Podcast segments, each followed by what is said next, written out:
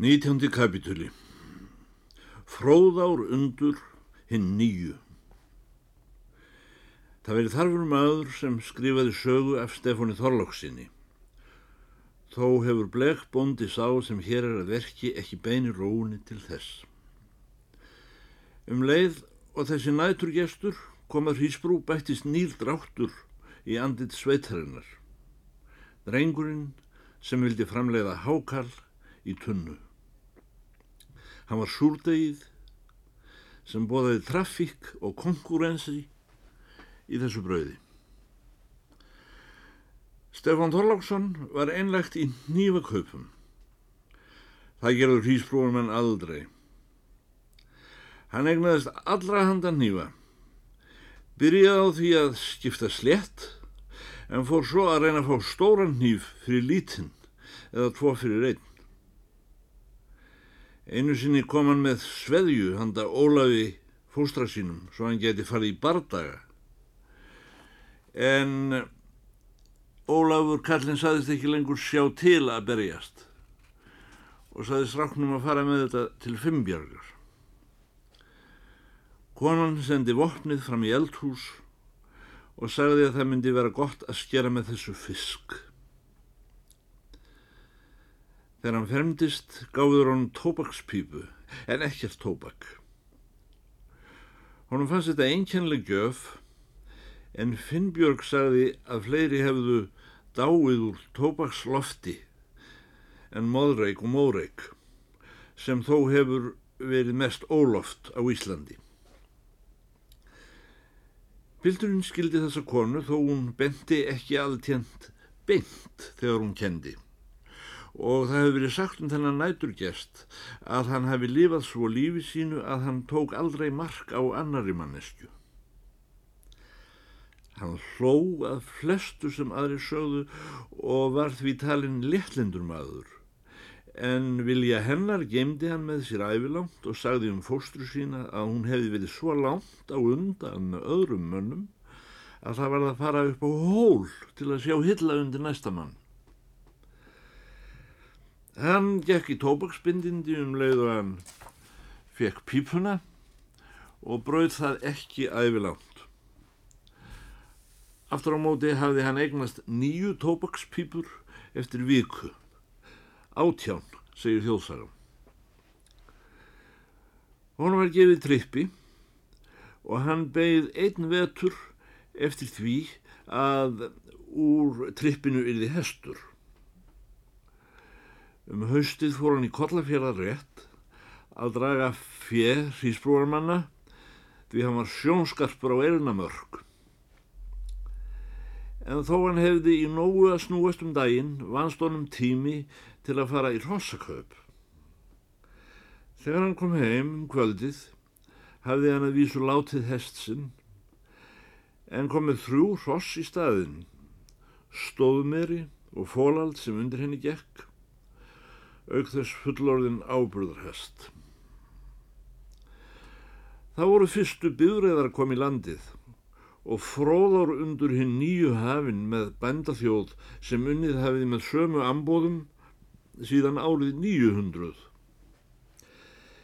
En það þekkti bráðum engin búndi lengur sjálfan sig og skáldin fóru að gráta á prenti sögum missis á sjálfum leika. Einn góðan viðdag ekkur Stefán Bifreið sem hann sjálfur á heimundur tungarð á hrísbrú og skilur hana þar eftir því hann treysti henn ekki í svöðin. Bifreiðar sem þá komu voru víst einhver gargun frá upphafi, fluttar hingað út ásaðar frá Kanada og stóðu fastar hér, einhverjum og sérilagi á þjóðbröytunum. Menn gengu aftur á baka í íta þessum farartækjum upp brekkur en uh, þau uldu ofan brekkurnar í afnóðum samkvæmt þingdalagmálunum. Samt áðust allir að byrjuðum og byrjuði að trú á þær. Stefan Þorlaksson manna mest. Hjá mörgum komu þær í staðin fyrir Írafellsmóra og söðskeppnuna og brennivínið Hjá sumum komum þær í staðin fyrir sjálfum leikan sem þeir höfðu mist. Þótti mikið snjallræði á sunnudögum að aka bíl úr Reykjavík allt hvað aftók, östra á Þingvöld, 50 kílometra, að kaupa sér flösku af rópvatni. Stefán let hesta sína á aðra regnir fyrir bíl og hefðist nú við úti á þjóðvegum um nokkurt árabil þó skrifaður á hrísbrú og átti þar innhlaup. Hann flutti hugað fólk úr einum staði annan, stundum fyrir peninga.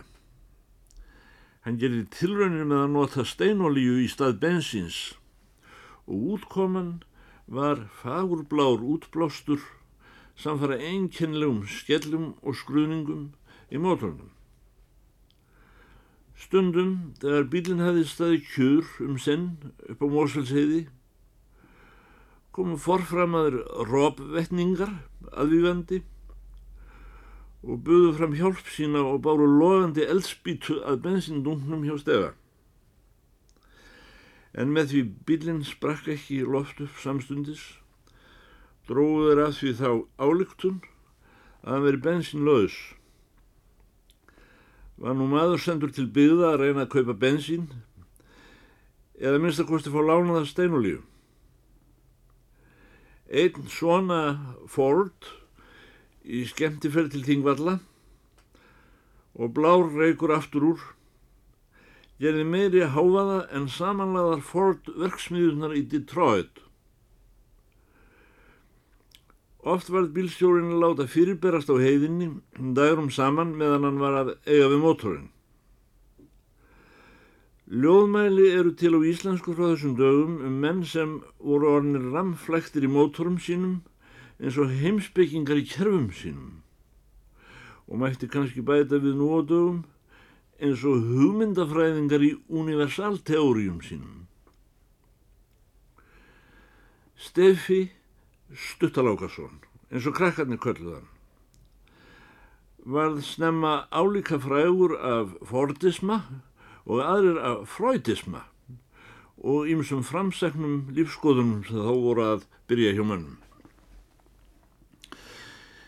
En svo sagði hann sjálfur frá að þó hrísbrúarmenn fnösuðu fram í nefið yfir skriknum fugli sem skriðin var úr ekki meðal þeirra. Þá miklaðist hann þeim og þeir voru honum unnandi á samahátt og bróður sem borin er í öfgulíki, kannski með tvö höfuð og má ekki setja í hann fótinn af því maður skilur ekki guð. Aldrei láður hrísbrúingar Stefáni þó hann verið þrjá sólarhinga að komast austur á Þingvöll að kaupa sér flösku á róp vatni og yrði að liggja úti með bílsinn á heiðinni. Það var eins og þessir fornmenn fyndu á sér að þinn ókennilegi gestur sem komið hefði til þeirra eitt haustkvöld og byrjað trafík og konkurensi í sveitinni væri komin alkomin. Um mentun Stefáns Þorlákssonar er fljótskrifað. Hann var að komast á legg þegar fræðslu skilda nútímas var rétt aðeins og lögfest. Fyrir fermingu var hann sendur á samt nokkrum öðrum börnum er líkt stóð áum til bóndans í Lagsnesi að læra hver og biblíusögur svo á reikning fram í þrýliðu og brot og skoða landkortið í Þórarins bókinni þar sem heimurinn er klófin í tvent eins og sviðahauðs. Kristindómur var ekki yfkaður úr Hrísbrú. Utan Finnbjörg mun hafa átt postillu en las hana sjaldan og talaði aldrei um hana. Kristindómur þessar fólks hefði æfinlega verið í tví fólkin að fara í kyrkju og því tókti fánitt að lesa um Guði bók og enn meiri fjárstæða nú eftir að búið var að jafna kirkju þessu jörðu. Bænagerð eða þvíumlikt myndi Stefán ekki til að hafa heyrt í sínum uppvexti eftir að hann hætti að stunda kirkjugöngur með láka fyrir sunnan. Hann taldi kristindóm fyrir utan sig af því hann gæti hort sem er ekki breytt honum neitt ef hann skildi vera rángul. Stundum fór Finnbjörg með eitthvað eftir sér að Jóneitin á bæsá en Stefán lagði ekki eirun að því og hún reyndi aldrei að kenna honum það. En það var vist ekki allt parfallegt eftir þann kall, saði Stefán og fór með vísuna ég fer á allt hvað fyrir mér verður sem hann hefði lært af bílstjórum en ekki fóstru sinni. Aftur á móti kendi hún uppölslu drengnum að prjóna sokka svo hann geti haft eitthvað fyrir framann hendurnar ef hann er blindur. Hún uh, let hann sitja hjá sér og hjálpaði honum eða var likjufall. Annars heyrði Stefán að sjálfsögn aldrei talað um neitt yfirnáttulegt í Mósveldal þau 20 ár sem hann var þar viðróðandi utan fyrirnemdan draug frá Írafelli í kjós. Þessi draugur kom yðurlega yfir svínaskarð í skamdeginu, engum í byljum, á sumum uppbæjum sveitanna, kringum eðsjuna var hann skamtað út á bæjarkamp á kvöldin, en ekki á hrísbrú. Þó mönnum síndist hann stundum vera að lurfast þar í göngum eða húsasundum í ljósaskiptunum. Finnbjörg aftók að láta hann veri matur í skál upp á bæjarkamp, handa drögnum, sagði að flökkuhundar eða urðarkettir að eitthvað þetta upp á nóttinni vildi ekki láta tyksa hingað út í gangsvarg. Það saði Stefán að hann sæi mest eftir. Að hann hefði glemt að spyrja konuna nokkurs hlutar. Þessi þrjú ár eða fjögur sem honum var þess auðið að sitja við sjúkrabið hennar eh, nema smávegis viðvíkjandi prjónaskap. Var hún í rauninni veik? Þá spurningu saðist hann oft hafa lagt fyrir sig síðar. Eða voru kannski allir veikir nema hún. Þessar ótaljandi konur á Íslandi sem lágu í kör í átján ár var nokkuð að þeim annað en þær voru of sterkar til að geta tekið þátt í þeirri emd og endurleysu sem allir aðrir tóku gilda rúmt um landsinspunkt og hugguðust við eins og ölmusumenn af kaunum sínum jafnvel glöttust af. Hann sagði að blæ af hóvarð, stillingu og hreinlæti sem andaði frá konu þessari hefði hann leitað að síðan en ekki fundið hjá kvennunum. Var þó á þollausum erli á þjóðveginum yfirlánt. Lítil stundaklukka með gler fyrir skífunni og mynda blómi á glerinu tifaði í góðri ró á hillunni yfir rúmi þessar þauðlar konu. Þetta tif gæt ofangrendur næturgestur Stefán Þorlóksson á Hrísbrú heist alla æfi síðan hvena sem honum gafst svipstundar tóm til að hlusta inn í sjálfan sig. Uns hann nýja útaf á þjóðveginum.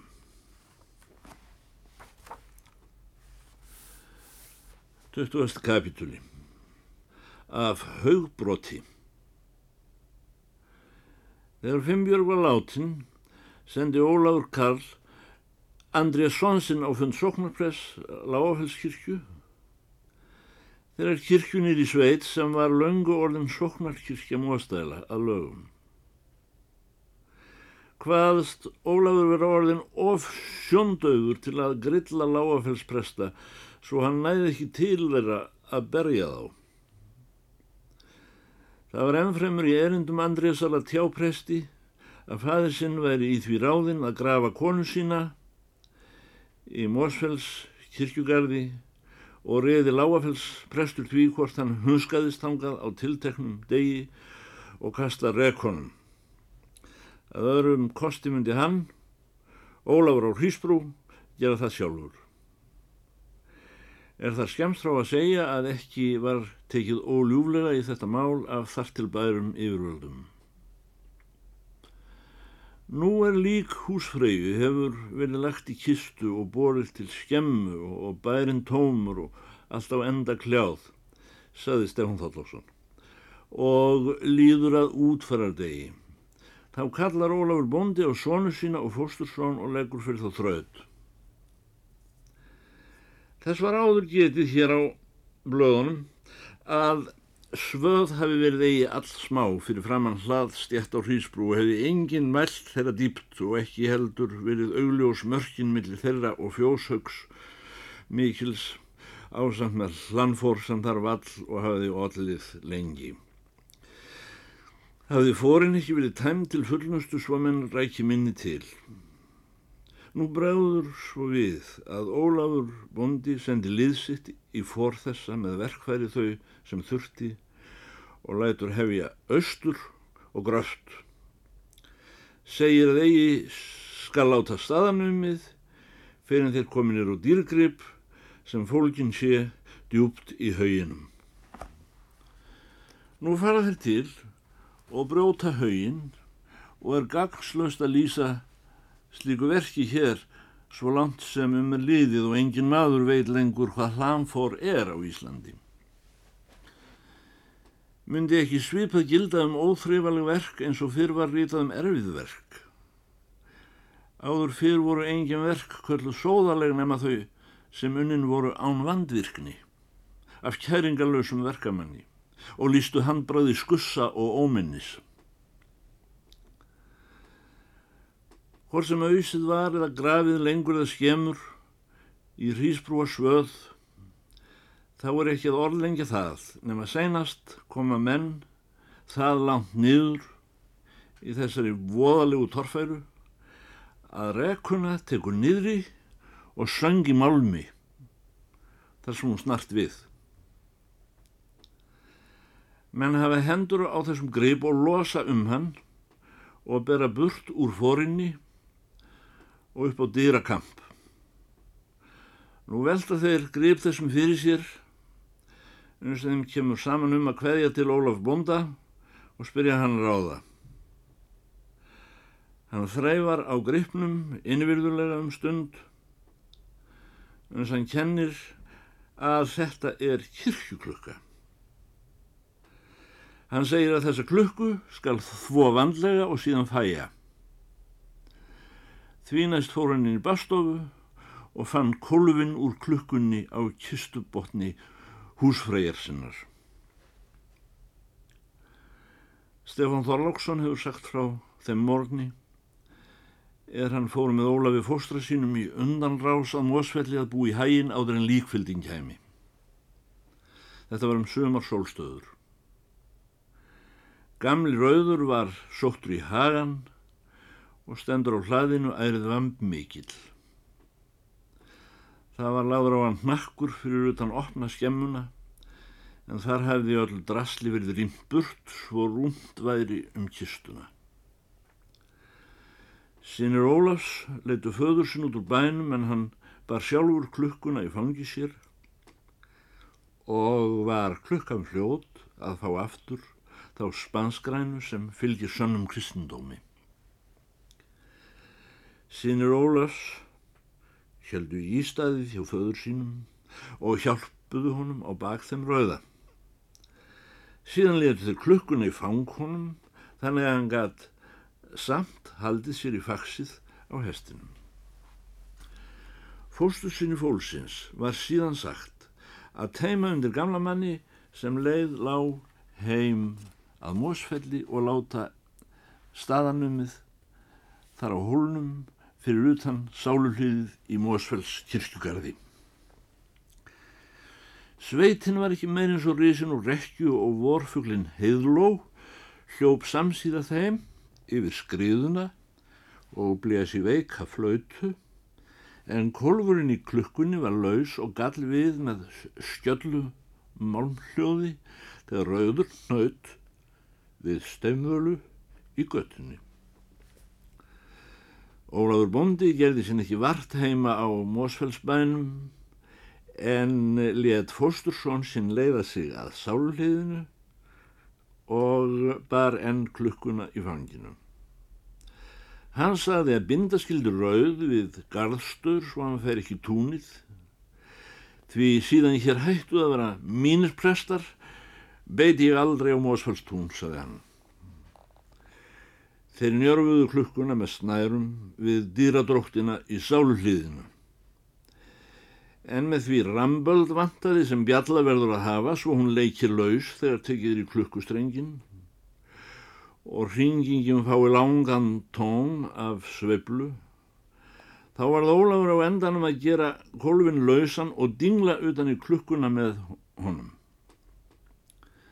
En þó ringing veri hljómlítil og ögn bundin var þetta þó klukkna hljóð og hljómur Mósfells kirkju.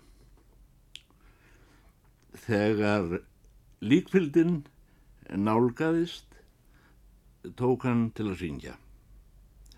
Hann lindi ekki ringingum meðan kistan var borin um sáluliðið. Hann ringdi meðan fólkið var að týnast inn í gardin. Hann ringdi meðan kistin var sökt í jörðina og meðan presturinn var að kasta rekon og fólkið að týnast burt frá gröfinni en rétti annars hugar þá höndina sem laus var þeim sem kvöttu hann og samhriðust honum. Uns fóstursónur hans sem satt á húfu sagði að nú væri seinasti maður farin og allt búið. Þannig syngdi Ólafur Kallin og Hrísbrú alla sveitina inn í kirkjugarðin á Mósfelli og út á honum aftur. Víkusveitna fór Ólafur aftur söm leið að því sinni í fjórum skautum að finna konu sína. Bói sonur hans bar nú klukkuna á sjálfum sér fyrir kistu föður síns festi hana í dyradróttina á sálulíðinu eins og fadir hans hafi gert í vikuna undan og ringdi eins og fadir hans hafi ringt uns lokið var. Leisti síðan klukkuna af dyradróttinni og bar hana heim aftur að hrísbrú.